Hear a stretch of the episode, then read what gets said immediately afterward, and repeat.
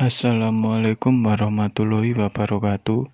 Saya Abi Zainul dari D3 tingkat 2. Saya ini mau menjelaskan tentang metode penelitian historis.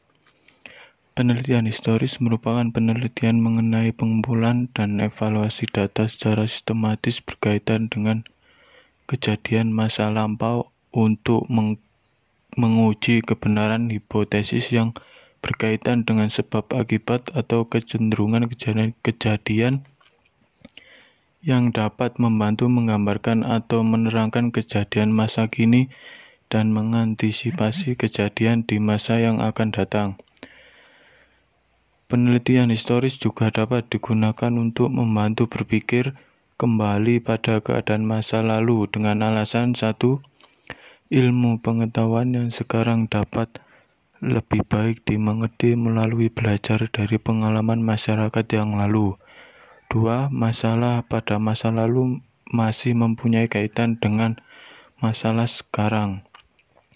Cakupan dan sasaran penelitian sejarah sebenarnya dapat luas, termasuk kehidupan seseorang, gagasan bersama kelompok masyarakat, pergerakan sosial, perkembangan institusi, dan kehidupan masyarakat masa lampau.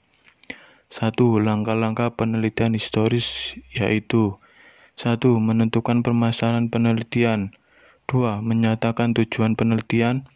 Tiga, mengumpulkan data. Empat, evaluasi data. Lima, melaporkan hasil penelitian.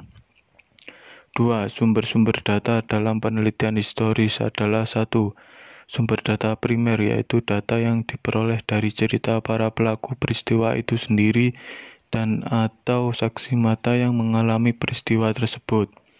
Dua, sumber data sekunder yaitu data atau informasi diperoleh dari sumber lain yang mungkin tidak berhubungan langsung dengan peristiwa tersebut. Sumber tersebut dapat berupa buku-buku, catatan yang berkaitan dengan peristiwa tersebut. Dari adanya sumber data primer dan sekunder ini, Sebaiknya peneliti lebih memberikan bobot pada sumber data primer terlebih dahulu, baru kemudian pengetahuan, data sekunder, data tersier, dan seterusnya. 3. Pengumpulan data penelitian historis. Pada penelitian ini tinjauan literatur dan prosedur penelitian merupakan suatu hal yang penting.